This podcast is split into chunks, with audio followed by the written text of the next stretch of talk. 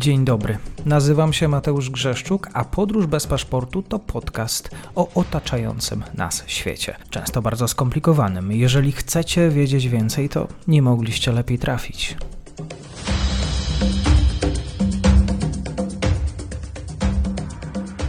Partnerem odcinka jest Oanda, TMS Brokers, dom maklerski obecny na rynku już od ponad 20 lat. W opisie odcinka znajdziecie link do aplikacji, której możecie otworzyć konto maklerskie i grać na giełdzie, a wcześniej potrenować na koncie demonstracyjnym. Jeżeli otworzycie konto za pośrednictwem tego linku, dostaniecie na start książkę o tematyce inwestycyjnej. Zapraszam, Mateusz. Dzień dobry Państwu, dzień dobry wszystkim słuchaczom. Dzisiaj moim gościem jest stały gość audycji Podróży bez paszportu, dr Mateusz Piątkowski, Uniwersytet e, Łódzki. Będziemy rozmawiać e, o prawie, y, o prawnych aspektach bezpieczeństwa, sytuacji międzynarodowej. Kłaniam się, dzień dobry. Dzień dobry panie redaktorze, dzień dobry Państwu. Ja może dodam, bo często nie dodaję, właśnie Wydział Prawa i Administracji Uniwersytet Łódzki e, to jest miejsce pracy pana doktora dzisiaj o Wenezueli, która chce przejąć terytorium sąsiedniego kraju. No i to wyjątkowe referendum, e, którego tematem było właśnie przejęcie części sąsiada. E, te referendum można uznać za wiarygodne, pod kątem prawnym zostało zrealizowane poprawnie. Ja myślę, że pod kątem prawa międzynarodowego ono nie wywołuje żadnych skutków. E, e, oczywiście to referendum samo w sobie, ja powiem szczerze, że jak zobaczyłem te pytania referendalne, to one są zaskakująco szczegółowe. One nadawałyby się na test z zakresu prawa międzynarodowego, bo na przykład rząd Wenezueli pytał swoich obywateli e, w przedmiocie tego, czy e, zgadzają się na określoną politykę rządu względem jurysdykcji Międzynarodowego Trybunału Sprawiedliwości. Strasznie złożone są te pytania. Natomiast faktycznie, jak pan redaktor wspomniał, w referendum było pytanie numer 5, które w istocie było pytaniem o aneksję prowincji Esquibo, która uważa się, że jest częścią Gujany. I w mojej ocenie takie referendum jest no, niewiążące w kontekście prawa międzynarodowego. Ono nie wywołuje żadnych skutków, ono nie buduje żadnego tytułu prawnego. Mało tego, ja w sumie uważam, że to referendum powinno być uznany za naruszenie zasady nieinterwencji w sprawy zastrzeżone do wyłącznej kompetencji innych państw. W Wenezueli uważa się, że jeżeli dany obszar jest powiedzmy przedmiotem sporu, to, to Wenezuela uważa, że jeżeli coś jest sporne, to z tego tytułu płynie jakieś prawo dla Wenezueli. To tak w ten sposób nie działa. Musimy wziąć pod uwagę, że jednak przez e, blisko już 120 lat e, na tym obszarze kontrolę, administrację, zarządzanie e, sprawuje Gujana, najpierw Gujana Brytyjska, obecnie niepodległa, suwerenna Gujana od 1970 roku, to jest od momentu, w którym emancypowała się od Wielkiej Brytanii. Więc tak naprawdę w mojej ocenie takie, to, to referendum jest bezskuteczne, jest alarmujące, ponieważ no w istocie to jest próba E, uruchomienia procesu związanego z aneksją.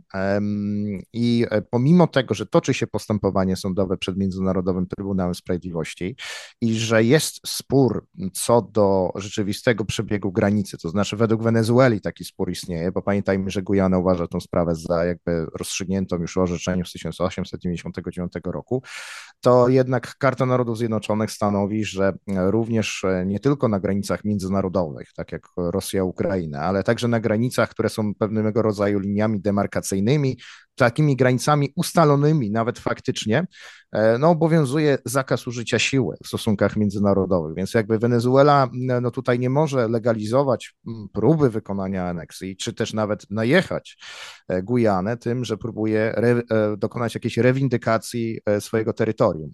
Tak naprawdę Międzynarodowy Trybunał Sprawiedliwości, który tą sprawą się zajmuje 2018 roku, wskazuje i też wskazał w środku zabezpieczającym, jaki został wydany, że jednak istnieje bardzo prawdopodobne, że jednak jest to obszar pod, podpadający całkowicie pod suwerenność Gujany, a nie Wenezueli.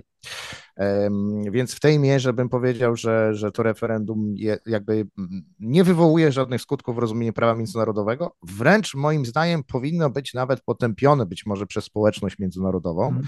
No i tutaj też podejrzewam, że Gujana w ten sposób będzie chciała podejść Radę Bezpieczeństwa ONZ, żeby Rada Bezpieczeństwa ONZ się tą kwestią zajęła, bo spory terytorialne są sporami kwalifikowanymi, one mogą zagrażać międzynarodowemu pokoju, bezpieczeństwu, no aczkolwiek no, przyznaję, że jakby geneza tego sporu jest naprawdę złożona. No właśnie, czy tu tylko chodzi o surowce mineralne, o bogactwo ziemi, e, Czy jest jakieś inne tło tego konfliktu, biorąc też pod uwagę historię? Tak, y, właściwie e, to roszczenie Wenezueli względem obszaru pomiędzy mniej więcej możemy zakreślić pomiędzy rzeką Orinoco a Esquipo, e, tak naprawdę wywodzi się niemalże z traktatu z Tordesillas, czyli z faktu, że Wenezuela uważa, że to Hiszpanie, a Wenezuela uważa się za e, sukcesora korony hiszpańskiej, że to Hiszpanie odkryli Gujanę. Natomiast trzeba pamiętać o tym, że faktycznie kiedyś w prawie międzynarodowym w erze wielkich odkryć geograficznych było coś tak, taki tytuł prawny e, do ziemi niczyjej, czyli tak zwane, jak to się nazywa, right of discovery, czyli prawo do odkrycia, czyli odkrywca nabywał terytorium nie wiem, Francis Drake, Ferdynand Magellan, Krzysztof Kolumb, Vasco da Gama wbijali flagę i mówili od tego, od tego czasu, od tego momentu ta ziemia należy do króla e, portugalskiego czy też hiszpańskiego, ale uważa się, że samo odkrycie nie wystarcza. Oprócz odkrycia konieczne jest niejako objęcie danego obszaru, danego terytorium w taką pokojową i efektywną okupację.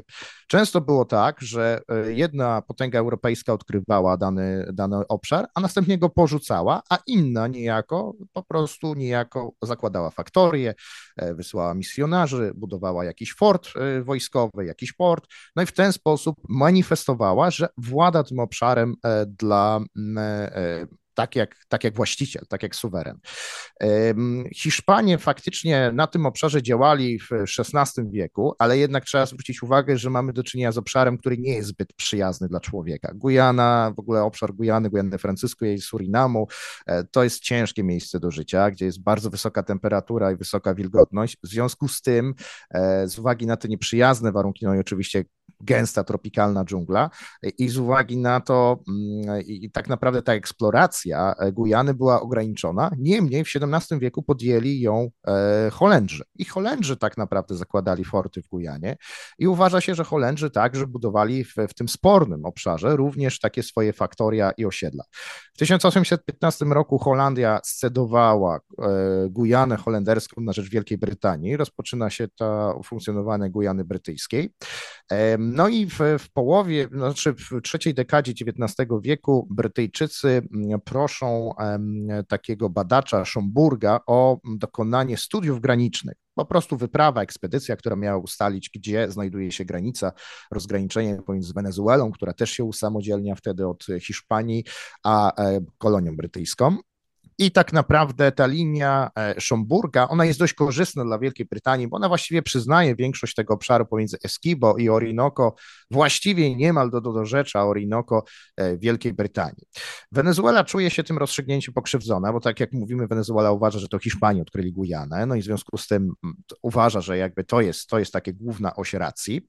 I e, trzeba jednak przyznać, że dyplomacja wenezuelska działa sprawnie, bo Wenezuela zwraca się do Amerykanów. I Amerykanie wtedy mają doktrynę Monroe'ego i nie chcą, żeby e, jakby mocarstwa europejskie e, wykonywały jakiekolwiek interesy, czy, czy, czy w ogóle zagrażały interesom państw Ameryki, no w ogóle państw znajdujących się na półkuli zachodniej, bo uważano, że jest to po prostu zagrożenie dla amerykańskiej hegemonii. I faktycznie Wenezuelczykom udało się przekonać Stany Zjednoczone, żeby wystąpiły w roli protektora tego sporu.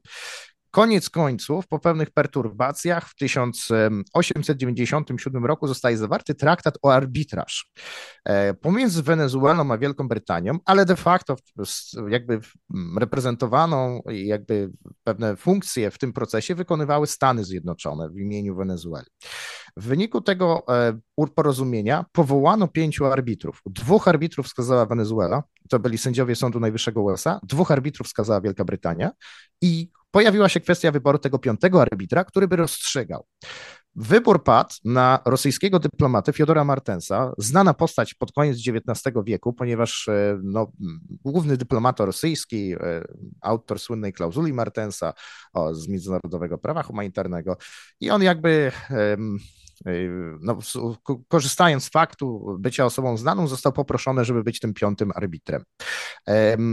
Arbiter, e, e, Brytyjczycy uważali, że tak naprawdę ich roszczenia wynikają z tego, że Hiszpanie nigdy tego obszaru nie wzięli w posiadanie, że to dopiero Holendrzy, a później Brytyjczycy zaczęli faktycznie zarządzać tym obszarem. No i w związku z tym wykreowali sobie tytuł prawny, który nawet w formie jakiegoś zasiedzenia, który jest skuteczny i, i, i jakby trwały. I e, Trybunał wydał wyrok, który właściwie przyznał ten obszar Eskibo e, Wielkiej Brytanii. Tam chodziła oczywiście też kwestia kopalni złota. Zasadniczo poza dorzeczem rzeki Orinoco, no to właściwie całość spornego obszaru została przyznana e, Wielkiej Brytanii.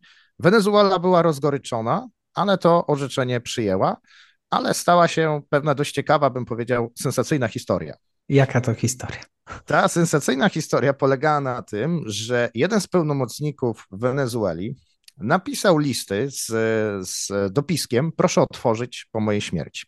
W 1949 roku, czyli no, lata po, po wydaniu orzeczenia arbitrażowego, List dotarł do rządu Wenezueli, w której pełnomocnik, e, pełnomocnik przedstawił, że jego zdaniem podczas e, prac Trybunału Arbitrażowego z 1899 roku doszło do zakulisowej umowy pomiędzy Wielką Brytanią a Rosją. To znaczy Fiodor Martens w pewnym sensie zawarł w imieniu, sygnalizował, że jeżeli no, wyda korzystne rozstrzygnięcie dla Wielkiej Brytanii, to wówczas Wielka Brytania poprze rosyjskie interesy. Podejrzewam, że być może chodziło o Daleki Wschód, bo wtedy akurat to by się zgadzało. W rezultacie, e, uzgadniając w pewnym sensie treść orzeczenia, poszedł do arbitrów amerykańskich i powiedział arbitrom amerykańskim tak: e, Ja zgadzam się ze stanowiskiem brytyjskim, więc albo głosujemy jednomyślnie i e, Wielka Brytania otrzyma 90% spornego obszaru, albo ja głosuję z Brytyjczykami, wy głosujecie przeciwko, wy i tak wygrywamy sprawę w stosunkiem 3 do 2 i 100% spornego obszaru zostanie przyznanego e, Gujanie. Więc w rezultacie no, sędziowie, arbitrze amerykańscy doszli do wniosku, że skoro i tak przegramy tą sprawę, to lepiej jest zagłosować jednomyślnie i coś Wenezueli przyznać. Chodziło o do rzeczy e, rzeki Orinoco. I to wywołało burzę. W latach 60. znowu dyplomacja, uważam, dlatego mówię, że dyplomacja Wenezueli działa całkiem efektywnie, ponieważ Wenezuela wyczuła temat. To jest e, lata 60. XX wieku, to jest rozpad imperiów kolonialnych. Wenezuela przedstawia przedstawiła tą, tą sytuację, że to padła ofiarą imperializmu, e, imperializmu amerykańskiego i kolonializmu brytyjskiego. No i w związku z tym stwierdziła, że jakby orzeczenie jest nieważne, niewiążące i w związku z tym powinno jakby granica, sprawa graniczna jest otwarta na nowo. E, w 1966 roku jeszcze Wielka Brytania i e, Wenezuela zawierają porozumienia, w którym wskazują, że będą rozmawiać e, na ten temat e, razem z sekretarzem generalnym ONZ, rozpoczną pokojowy sposób rozmowy na temat kształtu granicy. No i do niemal właściwie dzisiejszych czasów te stosunki są złe. No i oczywiście, o czym pan redaktor wspomniał na początku, w międzyczasie odkrywane są liczne złota surowców naturalnych, kopalin. Zwłaszcza tu powstaje problem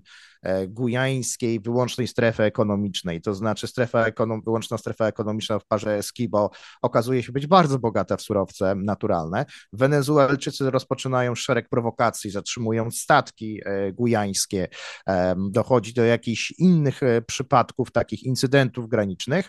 I w, tysiąc, w 2018 roku sekretarz generalny ONZ Antonio Guterres mówi tak: 50 lat próbowaliśmy rozwiązać tę kwestię, nie da się. W związku z tym trzeba ją rozstrzygnąć, bo to jest spór sądowy, trzeba ją rozstrzygnąć przed Międzynarodowym Trybunałem Sprawiedliwości. I właśnie Gujana w 2018 roku kieruje sprawę, kieruje pozew do Międzynarodowego Trybunału Sprawiedliwości, prosząc, żeby Trybunał stwierdził, że to orzeczenie sprzed ponad 120 lat jest ważne i prawomocne e, e, w, tej, e, w tym zakresie. Trybunał uznał swoją jurysdykcję, czyli wiemy już, że Trybunał będzie tą materię badał i dosłownie e, na kilka, na bodajże dwa dni przed referendum, 1 grudnia 2023 roku, Trybunał wydał środek zabezpieczający. Trybunał może wydać środek zabezpieczający, jeżeli przemawia za tym ważny interes stron. I w tym środku zabezpieczającym stwierdził, Gujana wskazała, że Wenezuela chce zrobić referendum, które tak naprawdę będzie propozycją aneksji. Trybunał, e, co prawda, użył, być może wprost nie zakazał organizowania referendum, ale wskazał, że Wenezuela ma obowiązek od powstrzymania się od jakichkolwiek aktywności, która podważałaby status, to znaczy nie użył słowa suwerenność, ale użył słowa administracja i efektywna kontrola Gujany, ale jednocześnie w treści tego środka przyznał, że jednak Trybunałowi się wydaje, że suwerenność jest gujańska, chociaż no pamiętajmy, środek zabezpieczający nie powinien antycypować rozstrzygnięcia i dlatego Trybunał musiał trochę jakby zachować się tutaj z rezerwą. Niemniej Maduro 3 grudnia to referendum przeprowadził, no i, no i teraz w tym momencie mamy właśnie tą sytuację związaną z tym, że, że, że Wenezuela próbuje sobie stworzyć jakieś podstawy, czy, czy, czy generalnie wykreować. No bardziej wydaje mi się chyba na potrzeby polityki e, wewnętrznej, e, jednak międzynarodowo taki krok jest e, bezskuteczny. Jest sprawa zawisła w Międzynarodowym Trybunale Sprawiedliwości i dopóki ta sprawa się w nim znajduje, no Wenezuela nie ma jakby żadnego tytułu prawnego do wykonania agresji, no bo to będzie agresja po prostu. To byłoby to użycie, nielegalne użycie siły w stosunkach międzynarodowych bo tylko dwie są sytuacje, w których państwo może użyć siły przeciwko jednemu, czyli e, samoobrona, czyli Gujana musiałaby napaść na Wenezuelę, ale nie mamy takich informacji. Druga sytuacja, autoryzacja Rady Bezpieczeństwa ONZ.